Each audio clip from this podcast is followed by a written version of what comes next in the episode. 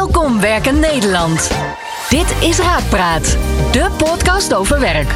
Andreas Bouwman van Raakpersoneel stelt een werkexpert rake vragen over solliciteren, salaris, carrière, promotie, collega's, werkplezier en andere werkgerelateerde zaken.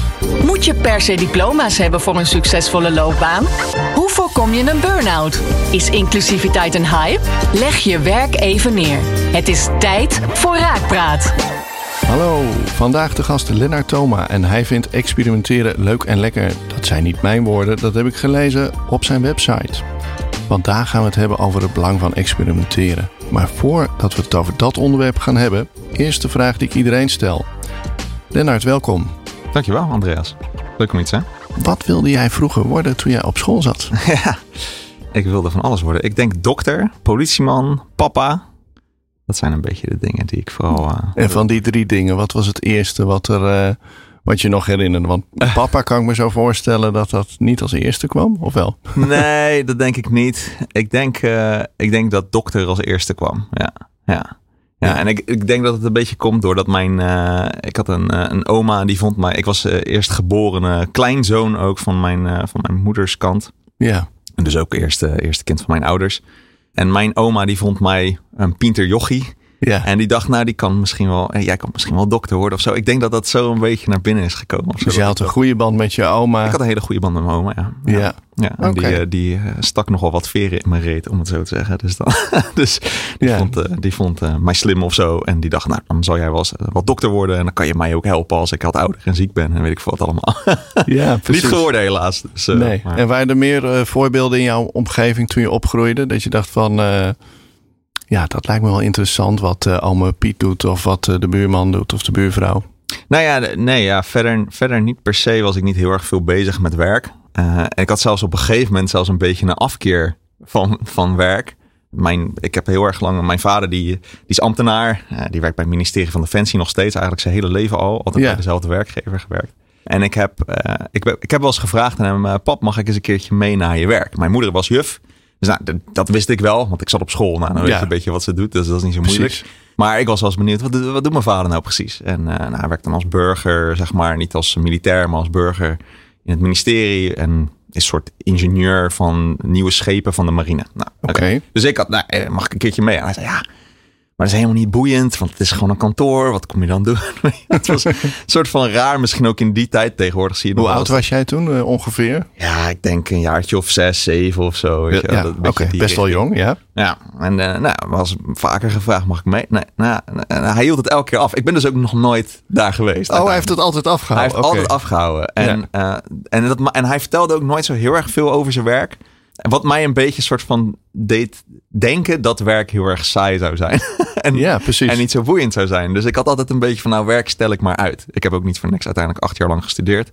Ja, want op de middelbare school op een gegeven moment moet je een keuze maken Ja. natuurlijk. En toen deed je maar psychologie. Nee, ik ben dus eerst, eerst ben ik, eh, ik ben van naar 5 VWO gegaan. Toen ben ik gezakt naar HAVO, omdat ik, eh, Frans lag me niet. Ik zat nog steeds op jaarniveau 1 Frans of zo. Toen Oh. ik in de vijfde zat, ik kon me er doorheen eh, ja, bullshitten, zeg maar, tot aan 5 VWO. En toen, Herkenbaar, is exact ook mijn eh, Toen hield ik pad het niet geweest. vol. Ja, Dus 5 toen ging- VWO is lastig. dus toen ging ik naar HAVO, want dan Ja. ik, kon ik Frans laten, laten vallen. Want ik dacht, ja, als ik ga dubleren, dan heb ik nog steeds hetzelfde probleem. Precies, je moet dan toch een keer wat doen. Precies. nou, ja, en toen ging ik, eh, toen dacht ik, nou, dan wil ik maar geld gaan verdienen of zo. Eh, dus toen had ik de economische richting had ik ook al gekozen. En toen ben ik international business eh, studie gaan doen, gericht op Azië. Eh, naar Japan geweest voor, eh, voor vier maanden. Cool. Cross-cultural management dingen gedaan. Nou, dat was wel interessant. Alleen ik wist toen ik uit Japan terugkwam van, nou, ik wil hier nooit werken. Nee. Wat heb je meegekregen van, van Japan, van die cultuur? Ja, de Japanse werkcultuur is echt een hel. Ehm, Dus eh, heel, erg- je, moet, je bent heel erg loyaal aan je werkgever. Werken is gewoon echt keihard totdat je baas weggaat. Nou, die kan dus soms wel eens heel erg vaak s'avonds laat pas weggaan. Ja. En dan wil hij misschien soms ook nog uit, eh, uitgaan en dan nog drinken. Nou, dan moet je mee. Je kan niet zeggen, nee, ik heb een gezin thuis, eh, dikke doei. Is het ook echt je identiteit? heel groot veel van je identiteit. Ja. En ze zijn dus echt daar super strikt. Hè? Dus eh, als je ook maar je gaat sabbaticals of zo, ja, dat kennen ze niet echt. Ze kennen stages al niet echt daar. In ieder geval niet in de tijd dat ik er toen zat, wat al meer dan tien jaar geleden is. Maar ook gewoon super strikt in uh, dat je moet komen opdagen op tijd natuurlijk. Uh, dat, je, uh, dat je pas weggaat wanneer je baas weggaat. En als, ze, als je dus bijvoorbeeld langer vakantie op zou nemen. Of je zou een tussenperiode nemen tussen je studie en het werk. Mhm. Dan, dan is de kans dat je een baan krijgt daarna heel klein omdat ze je niet meer vertrouwen. Ook als je weggaat van werkgever, dan denken ze soms: eh, Ah, wat- dat waarom ga je dan weg? Ik, kan, ik weet niet of ik op je kan bouwen. Ik weet niet of je lo- loyaal genoeg bent. Ik ga je niet aannemen. Dus je hebt daar bijvoorbeeld heel veel mensen die dakloos zijn, die hoog opgeleid zijn. Dus die spreken dan gewoon Engels. En, Bijzonder. Ja. eh, dus, en nou ja, dat, die werkethiek, en je hebt heel weinig vakantiedagen. Als we het over vakantiedagen zo meteen nog gaan hebben. Eh, dus ja, de- die werkethiek, dat stond me totaal niet aan. Dat stond je tegen. En toch wordt bijvoorbeeld eh, die Japanse organisaties als voorbeeld genomen. Hè? Bijvoorbeeld Toyota Ja. of Kaizen. Ja. Ik weet niet of je dat ja kent. Agile, van, vanuit, vanuit de Kanban en weet ik veel wat allemaal. Ja. Ze zijn natuurlijk mega efficiënt en effectief. Dus ze werken keihard. Eh, maar ik had gewoon, en misschien is dat mijn Nederlandse luiheid, of ik weet niet, nou, Nederlandse luiheid, ik weet niet eens of dat een woord is. Ik heb ro- roots in Italië, misschien is het dat, eh, misschien is dat het merk. In vergelijking met Japan is denk ik ieder ander land misschien wel. Ja, veel, ik denk minder strikt. Zeker Nederland, eh, wij, zijn, wij zijn ook gewend om ja, een grote mond tegen de baas eventueel te hebben. Nou, dat kan je in Japan niet eens over nadenken, zeg maar. Dat is Nee. uit den boze. En wat ging je toen doen toen je terugkwam Ja. uit Japan? Ja, dus toen, eh, toen wilde ik toch iets. eh, ik dacht van ja, wat, wat dan? Want eh, dit is het niet helemaal. En heel veel geld verdienen was ik op een gegeven moment ook wel een beetje. Dat, nou ja, dat, hoeft ook, dat moet ook niet per se het doel zijn. Toen, ben ik, toen wilde ik meer met mensen. Toen, wilde ik, toen ben ik toch maar psychologie gaan studeren aan de universiteit. Uiteindelijk toch weer de arbeids- en organisatiekant opgegaan. Want ik dacht, nou, dat is dan toch een mooie combi met werk. En ik vind, blijkbaar zit daar toch iets bij mij. Dat er, en ik denk dus vanuit mijn vader van. Dat ik denk, waarom stel ik dit uit? Waarom wil Ja. ik nog niet werken? En kan dat niet anders? Dus En- dat vragen stellen, die waarom vraag, dat is voor jou wel heel belangrijk. Van hey, papa, waarom ga je eigenlijk iedere dag naar het werk? Ja, en waarom Ja. vertel je er niks over en doe je het alsof het super saai is? En eh, Dat is eigenlijk ook wel gek, hè? Als je Ja. er een beetje met een afstandje van kijkt. Ja, eh, hij doet al zijn hele leven. ja. Hij heeft de mogelijkheid om iets anders te doen, maar hij doet het niet. Maar hij vertelt er ook niet enthousiast over. Wat is nou het ding? Ehm, Was het ook even om daar toch even op in Ja. te zoomen, eh, dat je zag van hey, hij, hij komt een beetje, nou ja, moe thuis of eh, Ja, en ja, niet, niet per se dat hij zaggerijnig was. Hij is een vrij emotioneel stabiel eh, Mhm. persoon, zeg maar. maar. Dus hij zal ook niet mega uitbundig over iets zijn. Maar ja, hij vertelde gewoon, heb je wat gedaan? Ja, niet zo, gewoon projecten. Ja. Klaar, vergaderingen en eh, ja, prima. Nooit dacht, iets ik- concreets, nooit nee, iets. niet heel erg. Ja, behalve als er dan uiteindelijk een schip werd opgeleverd of zo. Dan opeens dan het laatste beetje. Want dan moest hij dan wel eens heel vervelend naar eh, de Antillen. Om daar dan een, een paar schepen te testen. Ja, Nou, dat, dan ging hij daarheen. dat vond hij dan wel leuk, weet je. Maar dat, dat ja, logisch ook op zich. Eh, maar verder niet zo heel veel. Dus eh, ja. hey, en was die studie een beetje wat je ervan verwachtte? Organisatiepsychologie? Ja, dus ik vond, ik vond psychologie super tof en heel interessant. Omdat je gelijk ook eh, elke informa alle informatie die je krijgt, kan je soort van gelijk direct toepassen in de metro. Als je op de terugweg naar Ja. huis zit, denk je, oh, dit gebeurt er nu met die en die. Krijg je niet ook alle problemen van iedereen over je heen? Ja, misschien een beetje, maar Ja. dat, nee, ik kon dat gelukkig wel goed scheiden, denk ik. Maar ik vond het wel gewoon heel erg interessant.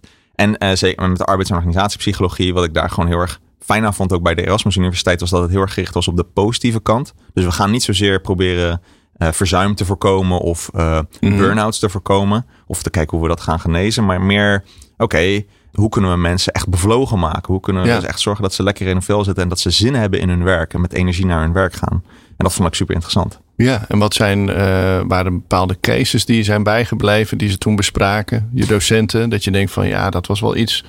Ja, niet per se hele, hele, hele duidelijke cases van in het werkveld, maar meer eh, gewoon de theorie, zeg maar, van dat hè, bevlogenheid is echt een, een, een goed onderzocht construct. Echt een heel goed onderzocht Ja. construct. Hè. En mijn, ik weet nog, mijn professor die zei altijd van hè, heel veel bedrijven die meten eh werknemers tevredenheid. Nou, dat is het laatste wat je moet doen. Ja. Want tevreden medewerkers die kunnen ook met hun voeten op tafel zitten en niks doen. Je hebt een actieve variant daarvan nodig. Naast Mhm. een positief, hè, moet positief zijn, maar dan ook actief. En dat is dan bevlogenheid. Ben je en actief en zit je in een positieve staat. Ja, En dat heeft heel veel positieve uitkomsten eh, op prestatie, op creativiteit, op beter samenwerken, klanten, klanttevredenheid enzovoort. En wat heel grappig was, het is aanstekelijk. Dus hè, als ik natuurlijk heel erg bevlogen hier zo ga zitten, misschien Ja. dat jij dan ook al wat meer zin in de, hè, en bevlogen ja. eh, de- ervan wordt en andersom. En het is ook aanstekelijk naar thuis toe. Dus als je heel bevlogen van jouw werk naar huis komt en je vertelt het tegen je partner enthousiast, dan wordt diegene ook bevlogen over zijn of haar werk. Ja. Ook al doet diegene totaal iets anders. Je hebt in ieder geval iets geleerd wat je niet van huis uit hebt Nee, precies. Mijn vader was daar een stuk minder in. En dus ja, en, eh, als hij misschien eh, eh, enthousiaster was over zijn werk, was ik dat misschien dus ook wel geworden over werk of iets wat hij aan het doen was. Dat is ook een mooi woord, aanstekelijk. Ik, Ja. Wim Davidsen, dat is iemand die bekend is in de flexbranche, die zegt het ook altijd. Aanstekelijk werkgeverschap, dat is waar het om gaat. Ja. Heb je toevallig het geheim van de bevlogen medewerker? Kun je die nog even in één zin eh, vertellen? Van wat iemand bevlogen maakt? Ja. Nou, een bevlogen medewerker uit bestaat, bevlogenheid bestaat uit drie punten. Eh, Het feit dat je dus vitaal bent, hè, dus energiek bent. eh, enthousiast bent over het werk en trots. Mhm. Ehm, en eh, dat je geabsorbeerd wordt in je werk. Dus dat je helemaal op kan gaan in je werk. Dat zijn eigenlijk de drie punten die ze ook meten. Hè? Dus Ja, eh, ik bruis van energie. Ik ben enthousiast en trots op mijn werk. En eh, mijn werk brengt mij in vervoering. Is soms een van de vragen die een beetje diep gaat. Maar ook gewoon dat je lekker opgaat in je werk. En dat tijd snel voorbij vliegt op een positieve manier. Niet dat je denkt, shit, ik heb geen tijd meer aan het Ja. eind van de dag. Maar dat je denkt, zo, dit was even een lekker dagje zeg. ja gaaf. even goed Ja. Nou ja, als ik jouw LinkedIn kijk, dan zie ik ook dat je eh, op een bevlogen manier schrijft over de eh, bedrijven waar je hebt gewerkt. Bijvoorbeeld eh Key2, om Ja. dat even uit te lichten. Ja, ja. Ehm, ja, daar spreekt echt een soort bevlogenheid uit. Ja, Werk je daar nog steeds of niet? Nee, ik werk daar niet meer. Ik heb daar, dat was eigenlijk dus mijn eerste echte baan. Dus Ja. toen moest ik een keer gaan werken na acht jaar lang studeren. En ehm, eh, ik deed mijn afstudeerscriptie, eh, een onderzoek deed ik bij eh 16 verschillende organisaties. Eén daarvan was Kito. Dus daar ben ik blijven hangen toen. Een marketingbureau in Maasluis, ook waar ik woonde. Dus dat was ook voor mij heel relaxed dat ik gewoon een soort van lopend naar mijn werk kon gaan. En ze waren al een beetje rebels. Ja, en en ik had echt zo'n rebelse tone of voice. Ja. Ja. ik ken ze al. Ik ben marketeer, dus ik, ik, heb ze ook echt wel voorbij zien komen. Ja. En ze, ja, ze staan echt uit in de massa. Ze doen dingen echt anders. Juist, dat was. En dat was toen ik begon, bestonden ze net drie jaar. Toen waren ze nog vrij onbekend. Gewoon in mijn sluis begonnen ze een beetje naamje te krijgen. Ik kende daar iemand, dat was een oud voetbalmaatje of zo, Hmm. die daar werkte. Nou, en zo ben ik daar een beetje naar binnen gekomen. Maar wat zij deden, wat ik wel cool vond, is dat ze de twee eh, oprichters, Cedric en Patrick, nou, die waren wel lekker eigenwijs en, eh, en die stonden wel open voor allemaal ideeën. En eh, wat ik wel cool vond wat ze deden, is dat ze heel erg ook, ook al een beetje een waarom-vraag stelden vaak aan hun klanten. Hè. Dan kwamen klanten van ja, met bijvoorbeeld een of andere winkel en die zeiden ja, ik wil een webshop. En in plaats van dat ze zeiden oké, dat kunnen Gaan we we voor je doen. maken Ja. en eh, geld verdienen, had flats. Wat is je budget? Ja. Precies. eh, gingen ze eerst, eh, maar waarom wil je eigenlijk een webshop? Want weet je wel wat, het allemaal, wat er allemaal bij komt kijken? En ja, we kunnen een hele mooie webshop voor je maken. Maar wat ga je er dan mee doen? Eh, ga je er dan een beetje actief eh, mee aan de slag of niet? Want anders kunnen we het net zo goed niet doen. Kan je beter je geld investeren in je, in je winkel. Maak hem even wat mooier of zo. ja. En dat, en dat gaf vaak een beetje zo'n zo'n huh? eh, vraag gezicht bij de, bij de potentiële klanten. Die dachten toch, hé, Ja. ik kom hier met een zak geld, waarom wil je het niet? Maar ik vond dat juist wel een hele mooie, mooie insteek om ja, even, even die scherpte ook bij de klant neer te leggen. En niet zomaar alles aan te nemen wat je, wat je aan kan nemen. En wat was jij, jouw rol eh, daarbinnen? Ja, dus ik, toen ik begon waren we maar met z'n zevenen nog. Dus een eh, organisatiepsycholoog op zeven man is een beetje overkill. Ja, want ik kan me dat nog herinneren dat het ook echt in het nieuws was toen ja, volgens mij. Ja, dat was in 2018. Uiteindelijk kwamen we best wel flink in het nieuws. En ik begon daar in 2014, 15 of zo. Iets in die richting. Ik dacht ook van ja, wat is dit? Zeven man, marketingbureau. Nee, dus uiteindelijk hè, we- het is uiteindelijk gegroeid naar 50 man. Ja. Eh, dus in het begin was ik projectmanager van Ah, eh website ook en weet ik wat. Want ik vond IT en marketing vond ik wel interessant. En in de tussentijd kon ik me dan met de organisatie bemoeien. Daar lieten ze me dan wel vrij in. En het was ook zo van, oh ja, jij hebt ervoor gestudeerd. Ga jij maar mensen aannemen, weet je wel? Ja, ja, ja. En ik had nog nooit mensen aangenomen. Ik had geen idee. Eh, maar ja, ik ging dan allemaal gekke dingetjes proberen. Dus ik heb... eh, eh, een keertje een soort eh, eh, een sollicitantenborrel-achtig iets georganiseerd. Of ik zei van, nou ja, in plaats van dat Cedric en Patrick, de oprichters, eh, degene zijn die ja gaan zeggen, gaan we dat gewoon met de hele groep doen. Ja, want in de beginfase van een bedrijf zijn het eigenlijk over het algemeen de directeuren, Ja. oprichters, eigenaren die mensen aannemen. Ja, ja. En ik, wil, ik dacht van, ja, ik vind het wel grappig om te kijken. Eh, wij moeten met z'n allen met diegene werken. Waarom zouden wij daar niet een beslissing over kunnen maken met z'n allen? En, En, eh, ehm, om daar even op in te zoomen, want dat is een mooi bruggetje volgens mij naar ons eigenlijke onderwerp experimenteren. Ja. Wat is eigenlijk experimenteren en wat is het nut ervan? Waarom zouden we het niet gewoon doen, zo'n sollicitatieprocedure bijvoorbeeld, zoals we altijd gedaan hebben? Ja, nee, ik denk dat ehm, eh, heel veel dingen die we doen zijn soms goed, maar soms ook niet. Om dat te onderzoeken moet je soms af en toe een experimentje doen of moet je in ieder geval een vraag stellen. Het begint eerst bij een vraag, waarom doen we iets? Ik vind die waarom vraag vind ik heel erg prettig. En het liefst stel ik ze dus meerdere keren achter elkaar. Dus niet alleen maar, hey, waarom, uh, waarom gaan we met een stropdas naar het werk? En dan zeggen ze, nou, dat ziet er professioneel uit. En dan, oké, daarmee basta. Nee, waarom denken we dat dat er professioneler uitziet? Ja. Eh, heeft dat iets met onze inhoud van het werk te maken? Um, uh, zorgt het ervoor dat mensen daar een beter gevoel van krijgen? Er zijn misschien goede antwoorden waarom dat is, maar misschien ook niet. Misschien weten we het ook niet. Want ik denk ook vaak dat als je die vraag stelt, dat er eigenlijk altijd weer een diepere laag Juist. zit. Ja. ja, en zo wil je eigenlijk tot de kern komen. En de, de, het beste antwoord in de kern is: dit draagt bij aan onze doelstellingen of onze purpose of wat dan ook. Ja. Dat, dat zou het eigenlijke antwoord moeten zijn. Maar vaak zijn de antwoorden, als je een beetje diep graaft, zijn de antwoorden: we weten het niet. Of andere bedrijven doen dit zo. Of wij doen dit altijd al zo. Het zijn allemaal niet echt hele goede argumenten. Maar het zijn helemaal geen goede argumenten. Want het is een soort cirkelredenatie. Uh, waar je, ja, waarom doen we dat? Ja, omdat we het altijd zo doen. Ja, maar dan weet ik nog steeds niet waarom je het doet. Ja, we weten het eigenlijk ook niet. Hè? Of uh, nou, wat ik zei, ik heb bij mijn vorige bedrijf deden we het zo en dat werkte volgens mij wel. Ja, maar dat betekent niet dat het nu werkt. Mm -hmm. Dus kunnen we dat niet eens even onder de loep nemen? En zo ging ik heel veel dingen onder de loep nemen. En als je dan iets hebt waarvan je denkt, nou, ja, dit is eigenlijk een slecht antwoord dus. Maar kunnen we dan niet iets beters voor verzinnen wat meer bij ons past, Ja. bij onze klanten past, of bij onze doelstellingen past? Want om dat, op dat stukje solliciteren te focussen, wat, wat, wat deed je toen? Een sollicitatieborrel, zei je? Ja, dus uh, ik ging gewoon verschillende dingen proberen omdat ik het ook niet wist. Ja. maar ik, ik, eh, ik wist dat Cedric en Patrick degene waren die in eerste instantie de mensen aannamen. Maar ik vroeg me af, zijn zij wel de beste mensen om die persoon aan te nemen? Kunnen zij het beste die mensen beoordelen? Stel, we hebben een nieuwe IT'er nodig. Zij zijn, nou, Patrick is dan wel uh, IT'er, maar Cedric niet. Uh, nou ja, maar we hebben ook andere developers die misschien van uh, bijvoorbeeld front-end development, ik zeg maar wat, Mm -hmm. veel meer weten dan dat zij. Waarom zouden dan de twee oprichters uh, beoordelen en diegene aannemen? Kan toch veel beter de andere front-end developer doen? Die met wie ze ja, met hem of haar moet samenwerken. Het meest moet samenwerken ook. Ja. Klikt het een beetje tussen hun in plaats van dat het klikt met Cedric of met Patrick. Dus, um, dus ik ging dat open gooien. en dat vond Cedric en Patrick dan wel soms in interessant. Sommige experimenten die ik heb gedaan vonden ze wel erg vervelend of uh, hadden ze hele grote vraagtekens bij. Maar soms gingen ze dan ook wel weer mee. Kreeg ik ze dan zover dat ze dan wel meegingen. Mm -hmm. En dat is een soort van het voordeel van een experiment. Is je kan natuurlijk een verandering invoeren en dan gaan mensen altijd een beetje met de hak in het zand.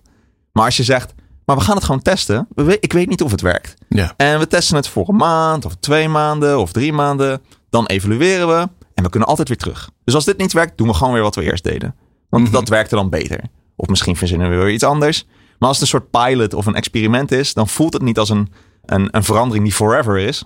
Precies. En voelt het vrijblijvender. Om onderschatten ze jou dan soms niet ook een beetje? Dat ja, tuurlijk. Ook, ja, precies. Ik ging als underdog soort van ja. vaak erin van, hey, ik weet het niet, weet je nee, laten, we, laten we dit laten eens proberen. We proberen, weet je wel. Misschien gebeurt er wel maar iets heel leuks. stiekem had je wel en natuurlijk... Een idee natuurlijk, ja. ja. Had ik een beeld van, ik denk dat dit beter is. Nou, dat was niet per se met die sollicitanten.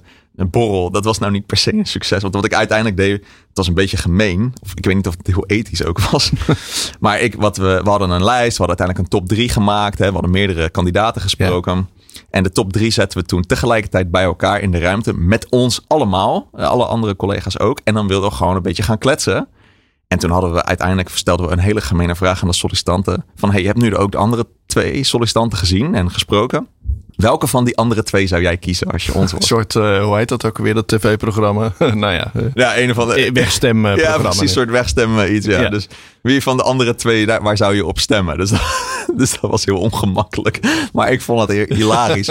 uiteindelijk, nou, uiteindelijk kwam er iemand uit. Um, en uh, jammer genoeg was dat, uh, dat was na een half jaar was dat ook voorbij. Want dat, dat matchte uiteindelijk toch niet helemaal zoals wat wij dachten dat het zou matchen. Dus dat was niet per se de beste methodiek. Maar het concept van eerst kennis maken ja. en dan het officiële gesprek. Ik denk dat dat steeds meer de norm uh, aan het worden ja. is bij heel veel ja. bedrijven. En terecht volgens mij ook. Ja, dus ik denk, eh, we, we hadden er wel wat les uitgehaald. Van gewoon, hey, het is belangrijk dat veel van onze collega's met de nieuwe persoon ook gaan spreken. Zodat we meerdere, ja, meerdere kanten belichten zeg maar, van iemand. Hè. Ik kijk er naar, naar iemand op een bepaalde manier. Mijn collega kijkt er net op een andere manier naar. En als we die informatie ophalen, dan hebben we gewoon misschien wel de beste informatie. Dus dat hielp wel, zeg maar. Dus dat hielden ja. we er altijd wel een beetje in. Uh, maar we deden ze niet allemaal bij elkaar. Dat we dan nee. gingen stemmen. Snap uh, ik. Hey, um, je hebt veel experimenten gedaan. Mm -hmm. um, en ik denk dat je ook ja, bepaalde waardes die we er allemaal hadden. En bepaalde geloofsovertuigingen van hè, een x aantal vakantiedagen ja. of salaris. Ja, dat zijn een soort van heilige huisjes. Mm -hmm.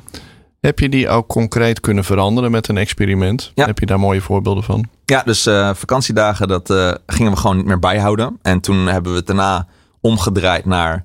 We hebben onbeperkt vakantiedagen. Wat dan een fancy term natuurlijk. En tegenwoordig zie je het steeds meer gelukkig. Denk ik, ik denk gelukkig. Um, maar het was eigenlijk een soort van eerst een beetje uit luiheid geboren. Dat we geen zin hadden om het bij te houden. Want... Had je het nergens gezien? Was dit gewoon iets wat uit jouw brein is gekomen? Of uh, nou, weet je dat nog? Ja, ik heb toen wel heel veel inspiratie gehaald uit uh, Ricardo Semler en uh, Semco. Ik weet niet of dat was een boek, Semco-stijl. Ik weet, in 2013 volgens mij was er toen een aflevering op tegenlicht ook over Ricardo Semler. En uh, dat heette de kapitale kracht van geluk. En die mhm. deed dan in zijn bedrijf in Brazilië, liet hij zijn werknemers min of meer alles oh bepalen. ja. ja. En dat was... Brazilië zegt inderdaad, ja. dat is, was toen echt het voorbeeld. Ik heb de laatste tijd weinig meer van gehoord. Maar... Klopt. Hij, dat hele bedrijf dat heeft volgens mij wel een flinke klap gekregen ergens of zo. En het zijn nu allemaal kleine bedrijfjes die nog steeds wel ongeveer soortgelijk doen. En hij is nog steeds, die Ricardo Semler is nog steeds dat min of meer dat evangelie aan het verspreiden over. Super organisch was het, alles eh, zelf bepalen min of meer. Ja, toch? Nou, en dat was voor mij best wel een, een, stevig voorbeeld waar ik ook naartoe wilde gaan en, en, en misschien wel verder wilde gaan. En ehm, ik denk dat in sommige opzichten dat ook wel echt is gelukt bij Kito in ieder geval. Ik weet niet of ik daar per se dat per vakantiedagen verhaal vandaan had, maar dat zou zomaar kunnen. Maar het was gewoon ook de vraag, hè, wel de software om het bij te houden. Degene die het moest goedkeuren dacht, waarom ben ik het in hemelsnaam het goedkeuren? Want het is toch wel best ik denk dat dat heel herkenbaar is voor heel veel managers. Uh, waar dan ook. Ja, ze keuren het goed. Maar ja, wie... Ja, je doet gewoon je ogen dicht. Je klikt ja. vink en klaar. Weet je, wat ga je nog doen? En ja. het belangrijkste is dat het afgestemd wordt tussen collega's. Want als de, de ene niet is, dat de ander iets kan opvangen. Weet je, dat, dat is het belangrijkste. Ja. Dus dat zeiden we ook van, hey, uh, zorg dat je het gewoon regelt met elkaar. En lekker boeiend hoe je lang... Als je dan een paar dagen langer op vakantie wil gaan, fijn. Nou, het was ook gelukkig uh, kwam dat heel erg overeen met wat een van de oprichters, Patrick, ook heel graag wilde. Want die had een stront, die had een hele harde frustratie met zijn vorige en daarvoor, voordat hij ondernemer was, bij een werkgever. Dat hij vaak overuren draaide, soms in het weekend zelfs ook nog doorwerkte. Maar als hij dan één dagje extra vakantie wilde, dan was het not done. Of dan kon het niet. Of als hij naar de tandarts, weet je, dan was het opeens moeilijk en moest het van zijn vakantiedagen af. Hij zei, nou dat gezeik wil ik allemaal niet joh, dat slaat toch helemaal nergens op. Als je naar de tandarts moet, ga alsjeblieft naar de tandarts. Of als je naar de huisarts moet, ga alsjeblieft daarheen, want dan kom je tenminste een beetje gezond terug hopelijk. Ja. Uh, in plaats van dat je uitvalt. Dus we gaan dat allemaal niet, uh, dat willen we niet bijhouden. En uh, weg ermee. Ik heb ook wel eens gehoord dat als mensen onbeperkt vakantiedagen hebben. En ik weet niet of dat waar is, maar ja, dat ze dan minder vakantiedagen opnemen dan, ja. dan bij reguliere bedrijven. Ja, dat klopt. Ja, dat klopt ook. Ja, dat klopt. Je krijgt een heel ander probleem. Dat probleem hebben wij dus ook ervaren. Heel, dat is echt strontvervelend. Maar je moet mensen op vakantie gaan schoppen. Want ze gaan niet. Ja. Want op een gegeven moment, uh, en dat is, is, niet alleen om per vakantiedagen, maar eigenlijk heel veel van de dingen die we deden waren om ervoor te zorgen dat mensen dus meer bevlogen naar hun werk gingen. Eh, autonomie vergroten, dat is altijd een grote voorspeller van, van bevlogenheid ook. Dus als je het gevoel hebt dat het jouw bedrijf is en jij mag bepalen wat je doet en niet, dan heb je veel meer zin om daar naartoe te gaan. Want je kan je werk zelf indelen en doen wat je denkt dat goed is. Ja. Um, maar mensen vonden dat dan soms zo leuk en voelden zich soms zo verantwoordelijk voor de tent dat ze te lang bleven. En dat ze eigenlijk die vakantiedagen niet opmaakten. Nou, hadden wij, kon je het bij ons niet opmaken, want je hebt allemaal beperkt. En we hielden het ook niet bij, dus we hadden geen idee. Maar je hebt wel een beetje een gevoel van, nou volgens mij is Kevin uh, al een jaar niet weg geweest. Ja. Wat doet hij nog hier? En hij begint ook een beetje zaggerijnig te worden. Dus dan werd het ook, uh, moesten we ook als collega's de uh, Kevin aan gaan spreken van, hey Kevin, is wel een keertje tijd om uh, op vakantie te gaan nu. Want je begint een beetje zagrijnig te worden. Een beetje walletjes onder je ogen. Ja. Kappen met dat werken. Uh, je, je doet hartstikke veel. Wij nemen het even van over. Neem even vrij. Ja, dus het lost niet alle problemen op. En dan komen ze misschien Het creëert andere problemen. Andere eh, problemen. Uh, al die dingen die wij deden creëren uiteindelijk ook weer andere problemen. Dus ik vind ook bijvoorbeeld iets als zelforganisatie. Wat ik ook een beetje een vervelende term vind. Het is een beetje een jeukterm. Hè? Dat ja, zelfsturende daar... organisaties. Ja. Dan denken altijd van ja, uiteindelijk moet iemand... Precies dus het is ook, je hoort dan ook wel eens samensturende organisaties. Maar dan denk ik, oh, dat is wel weer een lekker leuk verzinswoordje op weer. Een, nou, daar hoeft het, weet je, ik vind het, die termpjes, daar gaat het niet om. Het gaat meer om van wat past bij je mensen. En hoe krijg je je mensen dus, denk ik, zo bevlogen mogelijk. Zodat ze gewoon lekker werk kunnen leveren. En ook met plezier naar hun werk gaan eigenlijk. Want dan zijn ze productiever ook. En eh, worden ze ook een beetje gelukkiger wat ze ook meenemen naar huis. Dus daar heb je best wel wat invloed op. En wat is daar de essentie van om die bevlogenheid nou uh, boven water te krijgen? A, en, en B, ja, dat mensen dat blijven. Want jij zegt dat dat de essentie is. Ja, dus als, je, eh. als je kijkt naar onderzoek, hebben ze het over. Um, uh, wat, wat voorspelt dus bevlogenheid heel erg is uh, self-determination theory. Dat is een motivatietheorie. En dat heeft eigenlijk een heel simpel ABC'tje. Autonomie, betrokkenheid en competentie. Dus ABC. Um, als je die drie zoveel mogelijk vergroot bij de mensen dan zijn ze en bevlogen. En als je dat natuurlijk ook vasthoudt, blijven ze ook zo Ja. mogelijk bevlogen. Nou, dus autonomie natuurlijk de vrijheid in je werk om te bepalen hoe, wat en wanneer je het doet. Eh, wij gingen dus ook zover uiteindelijk bij Kito over wat je doet. Dus als je bij ons pizzabakker wilde worden in plaats van in de marketing wilde zitten, mocht je dat doen. Eh, hè, want dan zal je nog meer bevlogen mogelijk zijn. Ja, Uiteindelijk is er niemand pizzabakker geworden, maar we hadden wel een psychologenpraktijk, een eh, hogeschool op een gegeven moment en weet ik, een, Een podcastruimte en Ja, een academy precies, en ja. van alles en nog wat eromheen. Dus dat. Eh, betrokkenheid is, hè, voel je je bij een bepaalde club horen, zijn de mensen waar je mee de spreekt. waardes, purpose. Ja, stuk. purpose en ook gewoon het, het sociale feit. Hè? Dus dat je, nou ja, dat je een leuke club mensen hebt, dat je het gezellig hebt met elkaar, dat je dus uitjes doet of eh, gezamenlijk aan een project werkt en dat Mhm. ook even viert als het ge- eh, geslaagd is. Nou, die betrokkenheid is heel belangrijk. En competentie, dat je doet wat je leuk vindt. Als in, eh, ja, jij nu een podcast maken leuk. Nou, dan past dat bij jouw competentie en vind je dat leuk om te past het bij je talenten. Ehm, en kan je er ook in ontwikkelen. Ja, kan je beter ergens in worden. Zeker. Ja. En, en eh, Daniel Pink heeft eigenlijk die drie woorden ook op een andere manier. eh, misschien ken je Daniel Pink wel, die noemt het dan autonomy, mastery en purpose.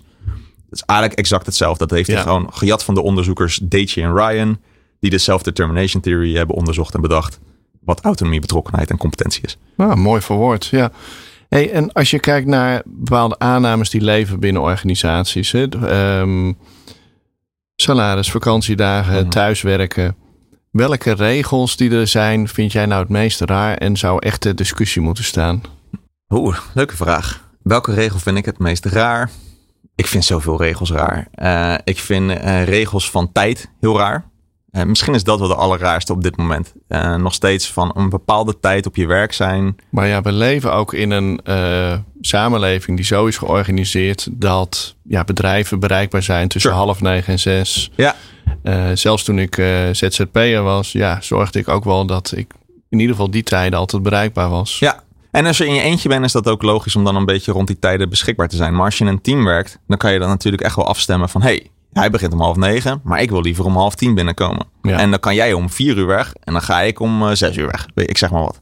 Dus binnen een organisatie kan je dat prima afstemmen, maar toch hebben we daar nog vaak een regel voor, omdat we mensen niet vertrouwen of zo. Dan, weet je, je moet hier om zo laat zijn. En natuurlijk voor een winkel of iets voor openingstijden, I get it. Maar voor heel veel dienstverlenende organisaties is dat helemaal niet per se zo nodig. En natuurlijk werken je klanten van, een- van x tijd tot y tijd.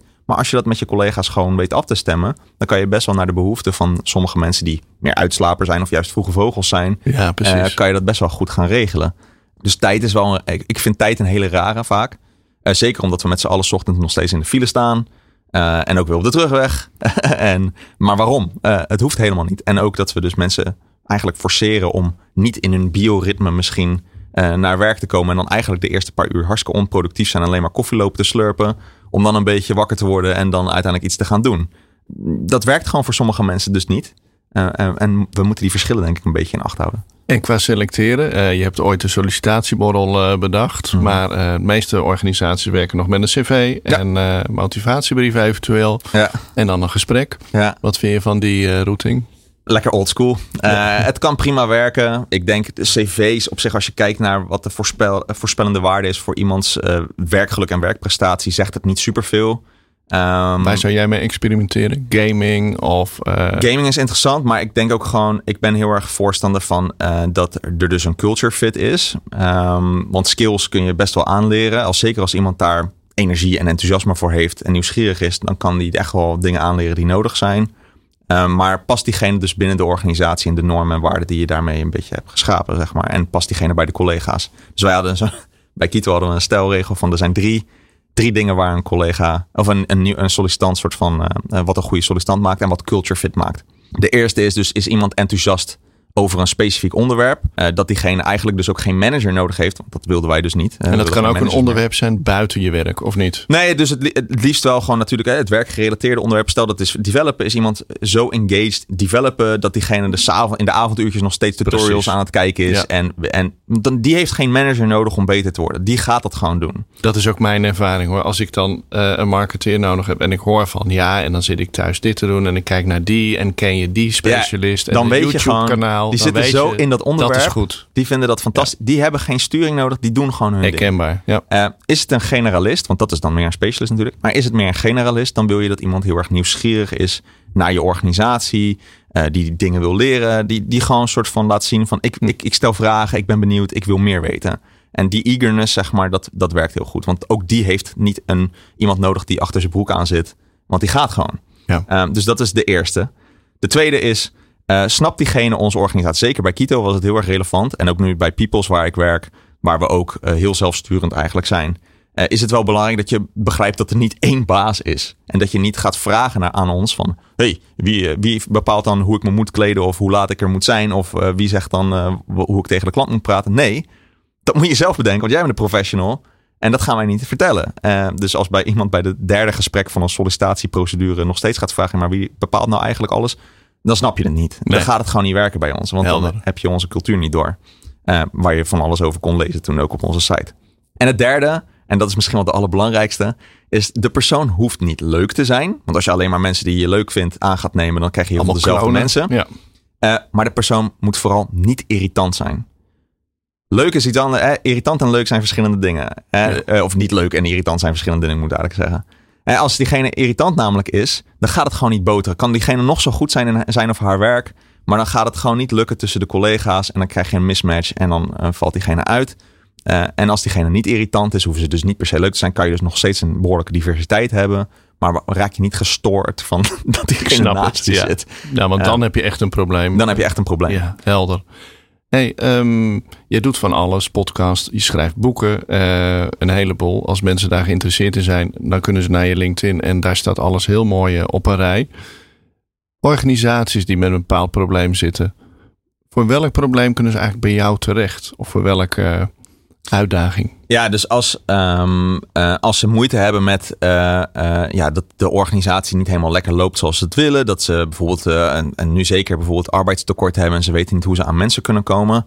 Dan een betere cultuur maken, zeg maar, die moderner is. Ook beter aansluit bij hun personeel, zodat hun personeel productiever wordt. Meer verantwoordelijkheid neemt ook voor het werk wat ze doen. Dat zijn eigenlijk een beetje de cases, zeg maar, waar ik dan vooral... En zijn ze dan op een heel groot vlak van, nou, we willen die cultuur beter? Dat, is dat dan de vraag? Of Kan ook op teamniveau. Dus Ja, hè, ehm, dan zijn we natuurlijk wel beperkter vaak.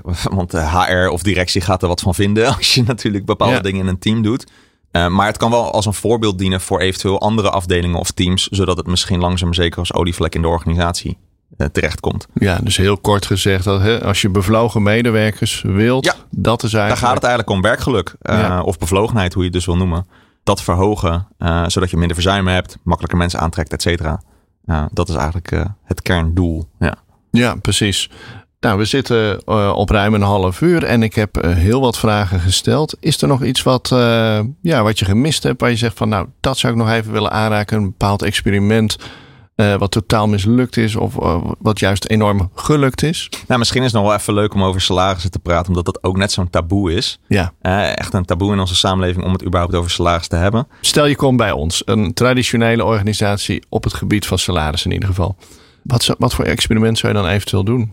Nou ja, ik zou het wel leuk vinden om dan dus... Hè, we zouden daar echt wel naar kunnen gaan kijken van... wie bepaalt nu het salaris?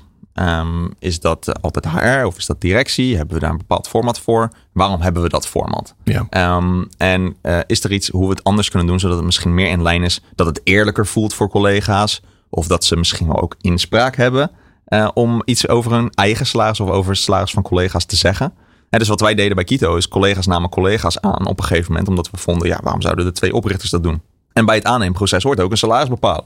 Toen we dat eenmaal deden, eh, ja, waarom zouden we dat dan ook niet tussentijds kunnen doen voor elkaar? Als het toch al de eerste, hey, je neemt iemand aan, daar bepalen we het salaris dan al van. Dat weten we. We weten allemaal wat Pietje verdient. Nou, dan kunnen we dat net zo goed ook voor de rest een beetje gaan doen. Wat doet dat met een organisatie als je dat van elkaar weet? Nou, in het begin was het eh, eigenlijk vooraf was iedereen huiverig van, hey, dat is not done, het is Ja. eng, eh, ik, wil, ik weet niet of ik het durf te vertellen, enzovoort. Maar als het al enigszins eerlijk in de organisatie is, dus dat er niet enorme gaten zitten en gaten die je eigenlijk niet kunt verklaren, zeg maar, niet, als die er niet zitten, dan kan je het er best wel over hebben. Ja. Uh, want wat is het probleem? Pietje verdient meer dan, uh, dan Klaasje. Simpelweg omdat Pietje beter is, of meer ervaring heeft. Nou, er is ook wel een bepaalde transparantie natuurlijk. Ja. We hebben salarisschalen, dus je kunt het wel ongeveer uh, bedenken. Precies, dus in heel veel organisaties kan je het ook wel een beetje weten. Ja. waarom zou je het er niet gewoon openlijk over kunnen hebben in plaats van een beetje half over te roddelen? Dus dat haalt al natuurlijk het roddelen een beetje weg door er gewoon transparant over te zijn. En dan kan je zeggen, oké, okay, maar uh, hoe wordt het nu bepaald? Ja, nu is het ook gewoon de HR of een directeur die zegt, uh, nou, uh, dus Pietje krijgt dat na een jaar. Waarom? Ja, die heeft zo en zo gepresteerd. Oké, kunnen we dat principe niet breder trekken? Dat we snappen hoe dat werkt en dat we er allemaal inzage in hebben. En misschien ook kunnen relateren aan wat het bedrijf verdient overal. Dus dat we niet alleen maar zeggen van, ik wil zoveel, want ik vind dat ik dit verdien. Maar laten we het nou een groepsprobleem maken van oké, ja, uh, we verdienen met z'n allen als bedrijf zijn dit. Uh, en dat is niet super, super veel. Dus we kunnen er niet heel veel bij doen. Omdat we dat nu allemaal weten, kunnen we misschien ook wat milder zijn op de salarisverhogingen.